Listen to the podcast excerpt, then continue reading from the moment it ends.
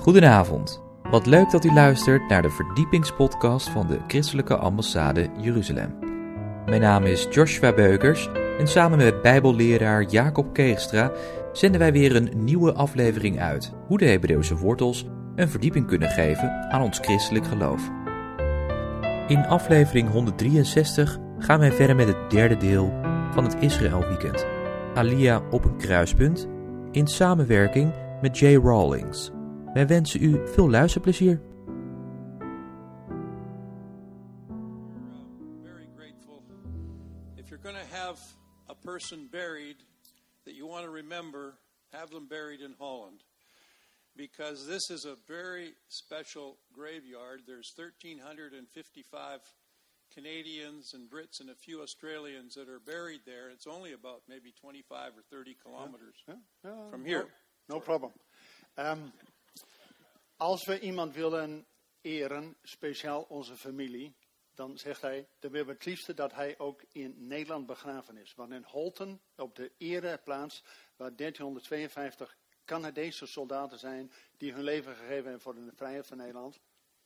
And they look after it so beautifully every all the time. The gardens are Yeah. gorgeous and it's just very special and we really appreciate it. En de ereplaats is echt een goed onderhouden gebeuren. Het is ook een getuigenis van Nederland dat we daar eer aan en respect aan hebben. And last year I was here with my second son and his son, who's studying at the University of Amsterdam. En vorig jaar was ik met mijn zoon en mijn kleinzoon, die in Amsterdam studeert, ook hier En- in Holten. And uh, we went there on a, for a visit.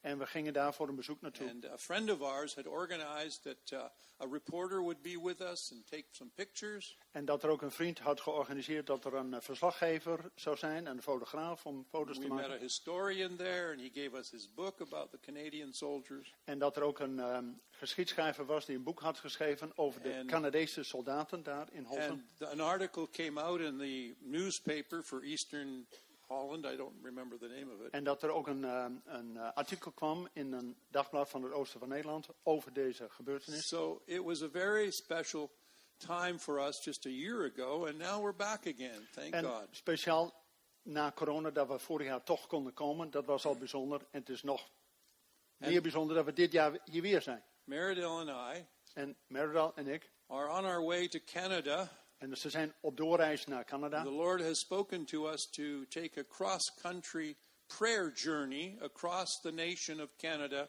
6,000 kilometers long.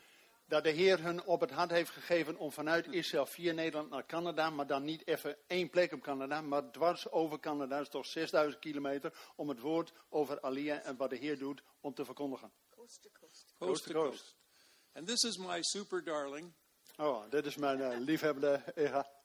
She's my forever date. Oh, Forever date. ze is een eeuwigdurende eh, date. And uh, I love her with all my heart. And we've been in this business together for 55 years. En ik hou van haar met heel mijn hart. en We zijn meer dan 55 jaar in deze bediening She samen. I only did one, two things that were sensible in my life. Oh, ik heb twee verstandige dingen gedaan in mijn leven. First was to get to know Jesus, De eerste was om de Heer te kennen. and the second thing was to get to know Meridel. En de tweede was om Merodel te leren kennen. Amen. Amen. I just want to say one thing that is very kind of personal. Ik wil graag één ding zeggen, wat toch redelijk persoonlijk is. But uh, Jay never saw his father. Dat Jay natuurlijk in deze omstandigheden zijn eigen vader dus nooit gezien heeft. He was born after the father was killed. Oh, even that. Dat, he was even, eh, dat hij zelfs geboren is nadat zijn vader al gestorven was, hier in Nederland. And so, uh, about four years ago, before he went to sleep one night, he was commiserating. Oh, Lord, I've, never seen my father. He was kind of Oh, ja. Oh, moaning. Ja, ja. Dat hij vooral ook vier jaar geleden echt een stuk verdriet en berouw had over het, het verlies van zijn vader. Dat hij nooit zijn vader ooit gezien heeft. I, I, I, never heard his voice. I never saw his hands. I, I don't Ik heb know nooit zijn stem gehoord, nooit zijn handen gevoeld. Nooit. And then he went to bed, En toen ging hij naar bed. and he had a wonderful dream. En toch had hij een bijzondere droom. And in the dream, the Lord said to him, And it- Jay, En in de droom zei God tegen hem, Jay, you see your father different aspects of your father in each of your four sons. Dat je verschillende aspecten van je vader in je vier zonen terug zult zien. Yeah. Amen. So he's been very gracious to us. Dus God is eh, heel bijzonder en genadig voor ons. And he has worked in both of our lives so that he could be our father in a most intimate manner. En God heeft zo bijzonder, zowel in het leven van Jay, maar ook van Merida gewerkt, dat God een hartsrelatie met ons heeft He opgebouwd. bought us with a great price. Hij heeft ons ten eerste gekocht door een grote prijs te betalen. And we have no place else to go. En we hebben ook geen andere plek om naartoe te gaan. He is our life. Hij is ons leven. Now, we love adventure. Nou, daarnaast houden we van avontuur. I came from a long line of pioneers. Ik kom uit een geslacht van vele pioniers. Uh, some of them left Switzerland in the 1700s and came to Rotterdam, Sommigen die waren al in de 17e eeuw dat ze vanuit Zwitserland naar Rotterdam kwamen. and then went to New Amsterdam. En toen vanuit Rotterdam naar Nieuw-Amsterdam. And they didn't like the fact that America was in this terrible war, and so they went north. En vanwege de Amerikaanse burgeroorlog, wat ze niet eh, leuk vonden, dat ze naar het noorden gingen. And they were given uh, crown land in Upper Canada, it was called in those days. Oh, en toen kregen ze een speciaal uh, kroondomein in eh, Noord-Canada. Yeah, and we didn't have a Canada, it was just called Upper Canada. Ja, het was gewoon, eh, eh, de naam Canada was nog niet eens vergeven. And uh, they still have that land. En mijn voorouders hebben nog steeds dat But land. they're pioneers, and our families, the several different streams, moved all across from the east to the west over the generations. En omdat mijn, eh, ik uit een familie van pioniers kom, zijn ze niet op één plaats gebleven, maar ze zijn uiteindelijk heel Canada doorgegaan. then the Lord raised Jay and I up and said, Now you're going to go home. En daarna heeft God ons opgewekt en tegen ons gezegd, nu ga je echt naar huis. We thought we were home, En we dachten, we zijn thuis in Canada. But He had another idea. Maar God had een ander idee. If you want to know who you are, Als je wilt weten wie je bent, if you want to know what your destiny is, en als je wilt weten wat je roeping en je bestemming is, you want to know Jesus. dan wil je Jezus kennen. You want to listen to the Holy Spirit. Dan wil je luisteren naar de stem van de Heilige Geest. Because he will tell you things about your life that you had no idea. Dat de Heilige Geest je wil duidelijk maken over de dingen waar je zelfs geen idee van hebt. And his plans for you are magnificent. En dat Hij geweldige plannen voor jou heeft. They may be small, Ze lijken misschien they klein. may be quiet, Ze kunnen ook kalm they zijn. may be hidden. Maar ze kunnen ook verborgen But if zijn. he's in it, Maar als God erin he is, will use you to be a crossroads in the lives of others. dan wil God je gebruiken om anderen die op kruispunten staan de weg te wijzen. We first went to the Soviet Union in 71.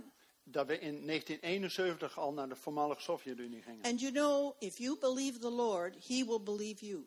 En als u in de Heer gelooft, dan gelooft de Heer in jou.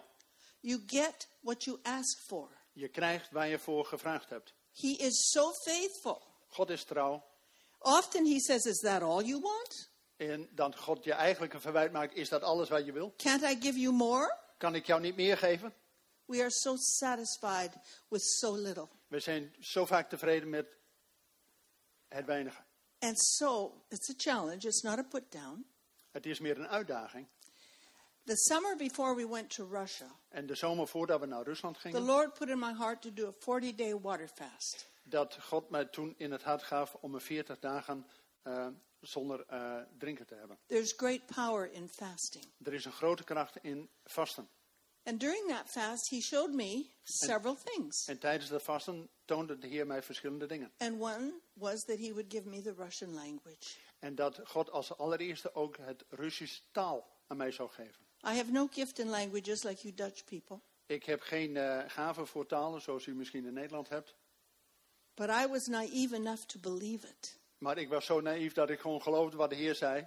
En, We, we went on a tour into Russia, went in through uh, St. Petersburg, en we gingen op tournee naar Rusland. We kwamen het land binnen via Sint-Petersburg. Leningrad in those days. Eh, Leningrad toen nog, geheten. And we had a big suitcase filled with uh, school materials, the alphabet, the alpha, uh, the Hebrew uh, school materials for children.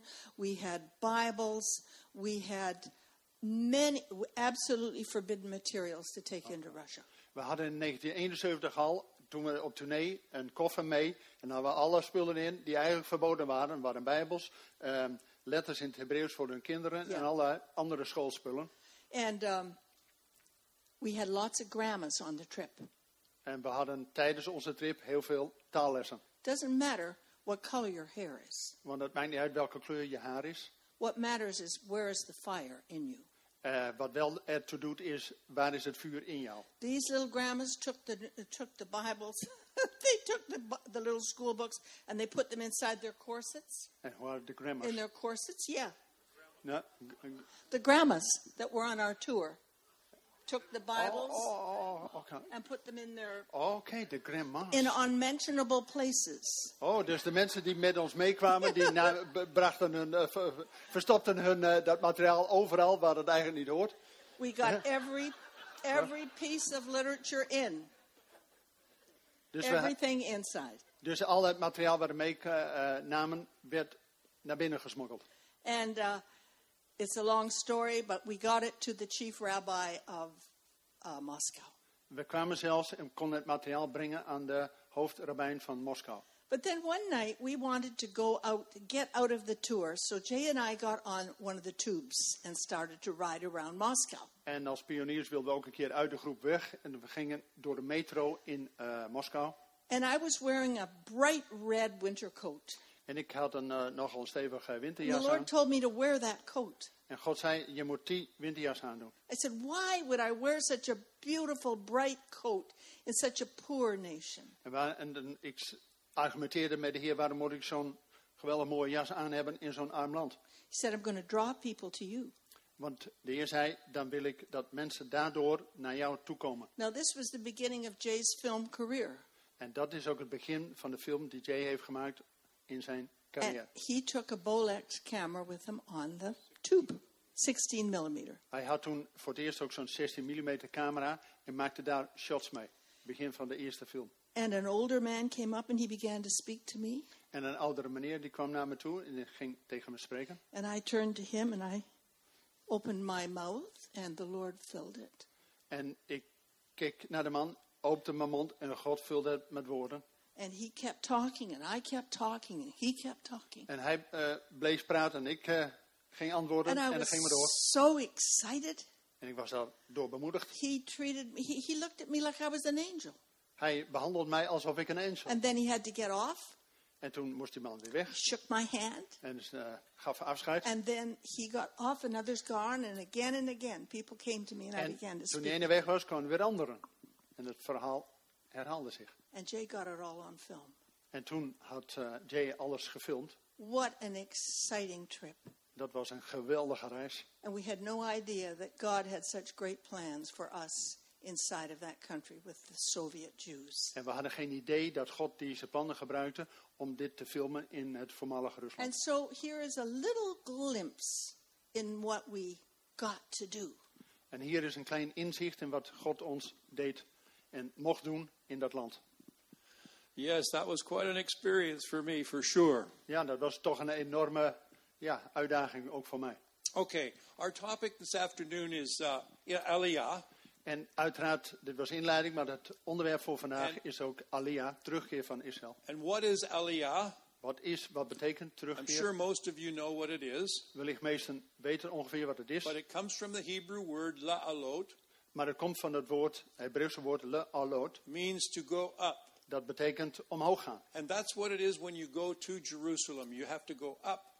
En dat is natuurlijk de betekenis, als je opgaat naar Jeruzalem, dan ga je echt letterlijk op naar Jeruzalem. And uh, so it's actually uh, uh, an amazing crossroads process. Dus het is eigenlijk een heel kruispunt gebeuren om uiteindelijk daar te komen. It's a crossroads for the Jewish people. Het is een kruispunt voor het Joodse volk. It's a crossroads for the nations to let their people go. Het is een kruispunt ook voor de volkeren om de Joden te laten gaan. It's a crossroads for uh, uh, the future of Israel. Het is ook een kruispunt voor waar zal Israël naartoe gaan in de toekomst. You know, Israel is a prosperous nation, as we heard Jurgen tell us this morning. We hebben vanochtend gehoord dat Israël een welvarend land is. And one of the reasons is because the population is going up. En een van de redenen is omdat de bevolking zo is gegroeid. Any country where the population goes down, it goes into economic decline. Ja, want in alle landen waar de bevolking naar beneden gaat, een aantal landen, zal ook de economie dalen. And so, Aliyah, the ingathering of the exiles, is an amazing miracle that's happening every day. En daarom ook, eh, het is iedere dag weer een wonder dat God die Joden ondanks alles doet terugkeren, Alia doet maken. And what is it? It's four things En het is niet één ding, het zijn vier onderdelen. an answer to prayer, Het is ten allereerste een antwoord op gebed. the fulfillment of Bible prophecy. Het is een eh, vervulling van Bijbelse profetie. It shows Israel as a unique nation, En het laat zien dat Israël een bijzonder land en uniek land is. and it is a key to the end time revival. En het is een sleutel voor de eindtijd opwekking. And so, when I say an answer to prayer, I'm talking about Jewish prayer. En als ik zeg het is antwoord op gebed, dan bedoel ik vooral het antwoord op het Hebreeuwse gebed. Every day, Want iedere dag an observant Jew is to pray three times morning, eve, noon, and evening. dat een eh, religieuze jood ook drie keer moet bedden, s ochtends, middags, avonds. And it's the prayer called the Amidah prayer. En dat is het Amida, het 18 gebed. And it's such an important prayer, you have to pray standing up. En het is zo'n belangrijk gebed dat je dat niet zittend doet, maar staand. And uh, the tenth part of that prayer is the, it's called the Kibbutz Galulot, or the ingathering of the exiles, a prayer for that. En van die 18 onderdelen is het tiende juist die opkeer en de terugkeer van Israël naar het land. And uh, so, can you imagine for, for hundreds and hundreds of years, thousands and thousands of Jews have prayed this prayer? En moet je je voorstellen dat dit natuurlijk honderden jaren door duizenden Joden gebeden is, drie keer per dag. And since about 120 or 140 years, this prayer has been answered in increasing waves. We call it waves of Aliyah. En dat God dit gebed ook beantwoordt in de laatste 120 jaar in golven van terugkeer. Actually, since the 1880s, so it's 140 years more. Sinds 1880, dus 140 jaar. So it's it's a it's an amazing answer to prayer of, of the Jewish people. Dus het is vooral een, gebed, van- een- antwoord van God op het gebed van Joden eeuwenlang om die terugkeer, dat God dat gaat doen. It's also a fulfillment of Bible prophecy. Maar daarnaast als tweede punt, het is ook vervulling van bijbelse profetie. In the Bible, there are more than 64 scriptures talking about the ingathering of the exiles. Dat de Bijbel die zegt al meer dan 64 keer expliciet over de terugkeer van Israël naar het beloofde. Today, this miracle is happening every single day. En ook vandaag, ondanks corona, noem maar op, Israël brengt de Joden thuis. As hundreds of Jews are coming in from, first of all, war torn Ukraine, En uiteraard dat nu Joden terugkeren vanuit door oorlog belaagd from Russia, eh, Oekraïne en ook uit other, Rusland. other uh, countries in Europe, Maar ook landen vanuit Europa, from Ethiopia, vanuit Ethiopië. even the United States and Canada. En zelfs nu voor het eerst uit Amerika en And Canada. it's this whole situation that we're facing in the world today, which is rather daunting. En eh, juist ook de situatie die we nu in de wereld tegenkomen, die is behoorlijk beangstigend. What we're, we're looking at is a collapse of the economy. Maar we zien eigenlijk voor ons dat er vroeg of laat de economie ineenstort. If inflation carries on like it is, Als de inflatie doorgaat zoals het nu gaat, it's going to be very, very difficult for us in the future. dan wordt het in de toekomst erg moeilijk voor ons. But the Jews can see Israel as a place of refuge for them. Maar de Joden zien juist Israël als een baken van hoop en van om daar naartoe te gaan. Almost exactly the same as Noah's Ark in the time of the Bible. Dat is ook al in de tijd van de Bijbel met Noach in de ark. A place where they can go and find succor and help.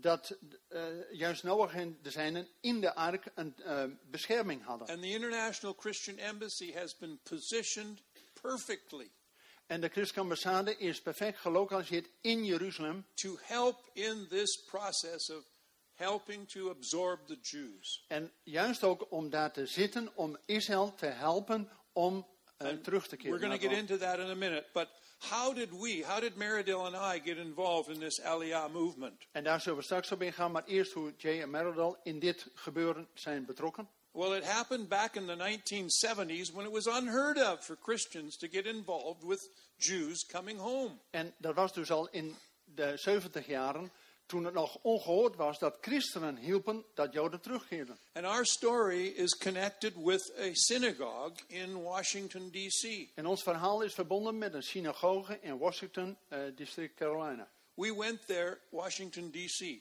Yeah. DC. And we went there to find out what was happening in the Jewish community at that time. En we gingen daar naartoe om gewoon je te oriënteren. Yes, it was exactly at this time of year at the, at the Jewish New Year. De- we gingen eh, uitzoeken, daar gingen naar die synagoge om uit te zoeken hoe we dat met Israël ging. En dat was toevallig op het Bijbelse nieuwjaar. That there were people that were pre- prevented, Jewish people were prevented from going to live in Israel. En we kwamen daar tegen dat er Joden tegengehouden werd om naar Israël te gaan. Why? Waarom? Just because they were Jewish. En juist omdat ze Joods waren. They couldn't go, couldn't And- go home. En juist omdat ze Joods waren, werd hun verboden om naar Israël And they terug te lost their jobs if they applied to go home. En daardoor raakten ze soms hun baan eh, Their children were abused at school and bullied. En eh, hun kinderen werden gepest op school. But what we learned in the news, actually, at the same time we were listening to the uh, to the news, what was happening between America and uh, and uh, and Russia, En toen we Soviet in, Union. in de nieuws ook eh, tegenkwamen wat er eigenlijk achter de schermen gebeurde tussen eh, Rusland en Amerika. And we discovered that um, a certain senator by the name of Henry Jackson was championing the cause of the Jewish people. En dat er vooral een senator, Henry Jackson, ehm, het, ehm, zich op het hart had om over dat Israëlische probleem door te spreken. And he and a congressman put forth an amendment to a, uh, a bill that was in the House of Representatives I mean, and in the Senate. En die hebben een wetsvoorstel eh, in de Senaat voorgelegd. And it said there will be no trade with the, uh, with the United States by the USSR if the Jews do not have the right to go to Israel. En hij pleitte ervoor in het wetsvoorstel dat Amerika geen zaken meer met Rusland zou doen, tenzij de Joden vrij konden gaan naar Israël. And this for us was very exciting. En voor ons was dat natuurlijk bijzonder bemoedigend. Why? Waarom? Because it put the Bible and Bible promises exactly in the middle of the world economy and the world news. En juist door zo'n wetsvoorstel werden Bijbelse profetieën vooraan gezet in het hele politieke gebeuren. The Bible is totally, totally up to date. En we zeggen en beamen gewoon dat de Bijbel meer dan up-to-date is. If you want to know what's going on, don't buy a newspaper. Dus als je wilt weten wat er gebeurt, koop geen krant, Buy the look in the Bible, maar lees Gods woord. and you'll see what's being what, what's coming up. En dan zie je ook wat de volgende haltes zijn. And uh, that's you know Ezekiel 36. If and we were, Jurgen mentioned this morning 36 and 37 in Ezekiel. Those are key chapters to study to see what's actually happening in Israel. En als je wilt weten wat er nu in Israël gebeurt, lees Ezekiel 36 en 37, wat Jurgen vanochtend ook al aanhaalde. Weet je precies wat er gaat komen. And then as we were praying, En als wij toen aan het bidden waren, Meridel and I knew that we had to somehow get involved in this struggle for en toen Soviet door Jewry. gebed wisten wij dat wij in deze bemoeienis en deze strijd ons moesten mengen. And this began a series of filming trips to the USSR. En dat was het begin van filmreizen naar het voormalige Sovjet-Unie. And so uh, I'm not going to go into a lot of details about it. Some of it are written up in our books. En ik ga niet alle details, sommige zijn in onze boeken eh, vertaald. In fact, uh, Let My People Go, it's written in total detail. Eh, het boek Laat me volgaan, daar staan al die details ook verder in beschreven. And there's a few of those books on the table here. En er zijn verschillende boeken daar nog Um, op onze And so uh, we knew Wisten- that was in 1972 when we had this awakening to uh, helping the Jews in the Soviet Union. Dus wij hadden al in 1972 een openbaring om de Joden te helpen in het voormalige Sovjet-Unie. And uh, of- 11 years later, we were uh, challenged to go into the Soviet Union. En elf jaar later werden we uitgedaagd om werkelijk ook weer in Sovjet-Unie binnen te gaan. Uh, and what we did was that we, we knew that we had to get the story of the people. En we wisten dat we het verhaal van de mensen moesten beschrijven. And uh, that was the key. that they could tell their story. Dat zij het verhaal konden vertellen. En We hebben hij- alleen verslaggevers. And I met a, a man there by the name of Lev Elbert. We were together in Kiev. En toen we een keer samen in Kiev waren, heb ik iemand ontmoet met de naam Lev Elbert. And uh, we, we visited with he and his wife. En we hebben hem en zijn vrouw ontmoet. And we discovered that he was uh, waiting. He, once he had made uh, an application to go to Israel, he was fired from his job. Toen hij eenmaal een verzoek had gedaan om een visum te krijgen om naar Israël te gaan, werd hij op slag ontslagen van zijn baan. And his little boy, Carmi, he was beaten up at school. En zijn kleine jongen werd eh, gepest op school. And his wife, who was a cardiologist, she lost her job. En ook zijn vrouw, die eh hartchirurg was in het ziekenhuis, ook zij verloor haar baan. but we knew we had to come back and get their story. En wij wisten, wij moeten teruggaan om hun verhaal op te schrijven. So then we went back to Israel, Daarna gingen wij naar Israël. and um, we got together a film crew from Canada. It wasn't that easy. En we hebben een Canadese filmgroep eh, meegenomen. Oh no, but uh, what I'm saying is, even with Lev, we couldn't talk with them in the house. Oh, en de moeilijkheid was, je kon niet zomaar publiek met lef eh, zoals spreken. We had to Nee, meet in a park. we moesten hem ergens in een park and when we ontmoeten. were in their house, the only way we could communicate, En eh, als we wel in zijn huis waren, de enige manier om te communiceren, they had a children's little pad that you could scribble on and lift it up and it would disappear. Know ze hadden zo'n eh, klein eh, notitiedingetje van kinderen waar je iets kon opschrijven en dan ook weer kon weg. And. Jay wrote, Lev, what can we do to help? En Jay schreef erop van, Lef, wat kunnen we doen om jullie te helpen? And he wrote, Give us a voice. And that was a crossroads. It changed his life, it changed our lives, it changed the lives of hundreds of thousands of Soviet Jews. En Lef zei maar één ding, geef ons een stem. Amen. En yes. dat werd een kruispunt voor ons en voor deze beweging. Yes. And um, so, a little bit more background. During the Feast of Tabernacles in 1982, Iets meer als achtergrond, tijdens het Loofhuttenfeest in 1982 um, we were, you know, on the stage preparing for the for the evening service, uh, evening event. En toen waren we daar in de grote hal in Jeruzalem, ons voor te bereiden voor de avond. We were working around just like you guys when you're doing the preparation here. And- we were busy working with the the team. En wij werkten ook met het team en net zo druk als eh sommigen hier. And then two sisters from Holland came. En er kwamen twee zusters uit Nederland naar mij toe. And one of them's name was Emmy. I can't remember her last name, but she came with another with a friend, and she said, "Have you heard the latest news from Russia?" En er kwam één uit Nederland met de naam Emmy, de rest weet ik niet meer. Maar ze zei, weet je het laatste nieuws vanuit Rusland? And I said, "No, what is it?" En ik zei, nee, wat is er? She said, "Natan Sharansky is in solitary confinement, and the KGB are harassing him, taking away his Bible, his book of Psalms." Dat Nathan Sharansky is in een isoleercel gezet en hij mag geen Bijbel meer hebben. En de KGB is eh, hem aan het... eh, So then we stopped work. We said, "Wait, wait, everybody, come here, come around. We have to pray." en toen zei ik, ho, we stoppen even met al het werk. We mensen eh, bij elkaar geroepen, we moeten nu bidden. And uh, so we all started to cry out to the Lord on behalf of uh, uh, Sharansky and the others. En toen hebben we juist ook daar een eh, tijd van voorbeden gedaan voor Nathan Sharansky en die anderen. And uh, as we were praying, the Lord gave a word through Meridel. En toen we aan het bidden waren, gaf God een woord aan Meridal. And it was a very straight, short word. En was een heel duidelijk woord. the Lord said, You know where deliverance comes from. It comes from Zion. En u weet waar verlossing vandaan komt, komt uit Zion. And He said, You are commissioned to go into the Soviet Union from Zion En ik draag jullie op vanuit Zion om Rusland in te gaan. and visit the refuseniks. En om daar die Rivosniks te ontmoeten.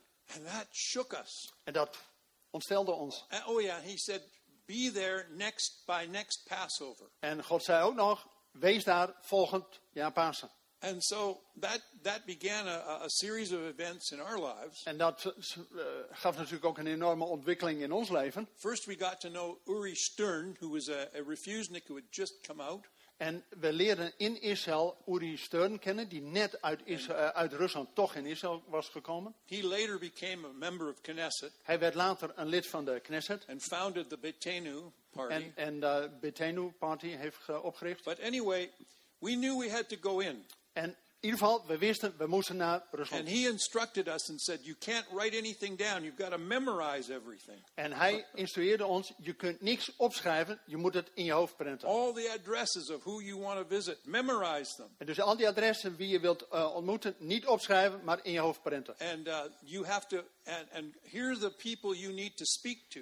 En dit zijn de mensen die je in ieder geval moet And he spreken. gave us the list of about six people. En hij gaf ons een lijst met zes namen. Hij zei, die moet je And, ontmoeten. and then Lev's voice was still ringing in our ears give us a voice. En vooral het woord van Lef, die zei van, geef En- ons een stem, And then resoneerde. we knew we had to go in and film quietly with a Super 8 camera. En we wisten dat we ongemerkt Rusland in moesten gaan en met een eh, Super 8 eh 8 mm camera toch. And it had to be Opname. wrapped up in a, in a, in a blanket En het moest eigenlijk onder een eh, laken zijn. because if the, the KGB could hear it, you know, it would make noise. Want ook zo'n Super 8 camera heeft nogal wat lawaai. Als de KGB dit hoort, dan zijn we erbij. And so uh, we got the on foot, on uh, camera, we got this testimonies of these amazing refuseniks. Dus toch van die zes mensen in eh, Rusland, deze Rivusnik, hun verhaal hebben we toch op camera kunnen vastleggen. And it's interesting because uh, Sh- Sharansky, at the same time, he was standing up against the KGB. En toch ook bijzonder dat juist ook die Nathan Scharansky ging opstaan And tegen de KGB. on a fast En die ging vasten. until they gave him his, his book of Psalms back. Totdat hij zijn Bijbel en vooral het boek van de Psalmen Soon terugkreeg. they did. They soon gave him back his book En of Psalms. toch door dat vasten heen kreeg hij zijn boek van de Psalmen terug. But Avital Sharansky, she never gave up her struggle. Maar Avital Scharansky heeft nooit haar She, eh, strijd met de KGB opgegeven. she was going all over the world on behalf of her husband telling his story En zij ging de hele wereld over om het verhaal van een man te vertellen. And uh, telling the story of others, friends of theirs. En ook het verhalen van andere vrienden te vertellen. For example, Yuli Edelstein, En bijvoorbeeld van Jurili Edelstein. who became, uh, he got, when he got out, he became a Knesset member and also became the speaker of the Israeli Knesset. En toen hij eindelijk uit Rusland weg mocht naar Israël, is ook weer Knesset-lid geworden. And in a moment, we'll tell you more about how these people have really been a blessing to Israel, En ik zal- Sharansky and others. En ik zal vertellen zo hoe mensen als Nathan Sharansky een zegen voor Israël zijn But the geworden. key was, and the cross point was, we were working together. Maar het bijzondere, het kruispunt was dat wij als christenen samen met hun werkten. Jews and Christians were working together for freedom for Soviet Jewry. Dat Joden en christenen samenwerkten voor de vrijheid van de Russische Joden. And I really have to tell you a story for, about Meridel because when we went in to film these refuseniks, En ik wil er vooral ook een verhaal vertellen van Meridel toen we het land ingingen om een It- film te maken over it die was Rufusniks. hard to get permission to go in. Het was gewoon moeilijk om een visum te krijgen om daar naar They binnen knew te who we were. Want ze wisten wie we waren. But finally, we got permission to go in. Maar eindelijk kregen we toch toestemming om eh, Rusland in te gaan. And just a couple of weeks before we were to leave to go to Russia, En net een paar weken voordat wij naar Rusland zouden gaan, sh- uh, Meridel was expecting, dat eh eh, Meridel hoogzwanger was. and all of a sudden she had uh, cramps, like uh, pains. En dat ze krampen voelde. And uh, so we took her immediately to the hospital, En we gingen met haar direct naar het ziekenhuis. and they discovered that the baby was in very serious condition, Dat ze in het ziekenhuis eh, zagen ze dat de baby's in moeilijke tijden and was. she had to go in and be admitted to the hospital. Dus ze moest direct naar het ziekenhuis. And then we were back and forth trying to find out how her, what was the condition, her condition, the baby. And sadly, eventually the baby died. En uiteindelijk was het natuurlijk eh, het ziekenhuis in, het ziekenhuis uit. Van hoe is de situatie van Meridel en van de baby. En En, zei- uiteindelijk, de baby is overleden. And I said to Meridel, look, I, I'm not going. I'll just cancel the trip and until we know how you are, because I, this is too too serious. We can't make any further plans about this traveling. Want eh, deze plannen voor eh, naar Rusland te gaan, ik zei, we stoppen er even mee, want jouw situatie is veel zorgelijker. We stoppen even. And she said, No, from her bed. Maar Merodel no. zegt vanuit haar bed, nee. The Lord has shown me Dat de Heer heeft me laten zien, that if you go, dat als jij gaat, God will take care of me here in Jerusalem. dat God voor mij zal zorgen hier in Jeruzalem. And you can imagine that was a really hard decision En dat was ook voor Jay juist een moeilijke beslissing. to leave. And we went to Switzerland to Hans Jorge Bischoff and his wife, the ICJ reps there, and stayed until we got our uh, day to go in. En eh, dat ik haar, uh, Merodel, toch in Israël moest laten. Ik ben met mijn team naar eh, Zwitserland gegaan, naar de So leiders Meridel stayed in. Is- in Israel, and I met the team in, uh, in Switzerland. Dus uh, Merodel bleef in Israël en ik ging met mijn team naar eh, And we flew Zwitserland. from Zurich into Moscow. En toen gingen we vanuit Zurich naar Moskou. And uh, then once we went in, we had no contact. We had no way of being in touch with each other. En toen we dus in keer in Moskou waren, hadden we geen middel van communicatie. But uh, we knew that God was in all of this. Maar we wisten één ding zeker, God is hierbij. So anyway, um, and by the way, Ina, once it's hard to put all the details together, but once we got we got their footage, Eén keer dat we toch geland waren in eh, Moskou. we came out with the footage, Wat is footage? the the, the film footage. Oh, oh eh, toen met de fi- filmapparatuur, dat we daar mee bezig waren. But but the Lord had shown me that I was going to be caught by the KGB. dat de Heer had me laten, als laten zien dat de KGB mij eh, in beslag zou nemen. And so I said, okay, if I'm going to get caught, then I have to do every interview twice. Dus als ik ooit eh, gepakt word door de KGB, moet ik in ieder geval zorgen dat ik ieder interview dubbel heb. And so then we left half of the footage in Moscow Dus we lieten de helft van het filmmateriaal in Moskou. and then came out and they caught us and took us aside and, and interrogated us. En toen we weg wilden, dat ze de KGB ons apart namen en ons ook eh, ondervroeg en alles eh, eh, onderzocht. And, and yet, still, some of the footage was still in safe in, in hiding in Moscow. En toch de andere helft van het filmmateriaal was op een eh, bewaarde plek in Moskou. And I felt so bad because I knew that was going to put the people we filmed in jeopardy. Oh, en ik dacht, ik was erg bezwaard. Ik denk, als de KGB ons filmmateriaal heeft, dan zien ze ook de mensen die wij geïnterviewd hebben. But Dus dat they wordt- didn't care. They said, You do your work, we'll do what we have to do. En zij zeiden, jij doet jouw werk, wij doen ons werk. So after the KGB found our footage, Dus toen de KGB ons filmmateriaal had gevonden, they gave it to the big national television network in Russia. oh, dan gaven zij het materiaal Sovjet. aan het eh, ehm, televisiestation in They eh, made a movie about us. En die, die maakten een film over ons. And they called us Zionist spies and traitors. En ze noemden ons sionistische eh, spionnen en onderhandelaars. and, uh, and then Lev Elbert was in jail because of this. En mede hierdoor werd die Lev Elbers werd gevangen genomen. But his wife fasted and prayed 35 days for him. Maar zijn vrouw ging vasten 35 dagen And voor then, hem. and then she was, uh, you know, so weak. En toen was hij zo verzwakt. Finally, the, the, uh, the rabbis asked her to stop fasting for her own life's sake. En dat uiteindelijk de rabbijnen vroegen, je moet daarmee stoppen, want jouw eigen gezondheid gaat eraan. which she did. En dat deed ze. But you know, these people were so amazing. Maar weet u, deze mensen waren zo this is- bijzonder. This is the Bruce and Moira Allen film. This is, uh, they were the uh, Canadians that we worked with. En nu een verhaal van Bruce en Maura Allen, een, een team uit eh, Canada waar we mee samenwerkten. And um, they, were, they stood up and uh, made this film for us uh, when they went back to Toronto. En eh, toen zij eh, terugkwamen in Toronto, hebben ze ons materiaal gebruikt om daar een film van te maken. And we had an amazing time with them as well.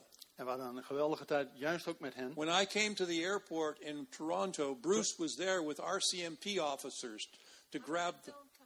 Oh, I got to tell the story. Okay, really. Oh, good. dus hoe kwam het, eh, de film uit? So the, the film finally, six months later, came out.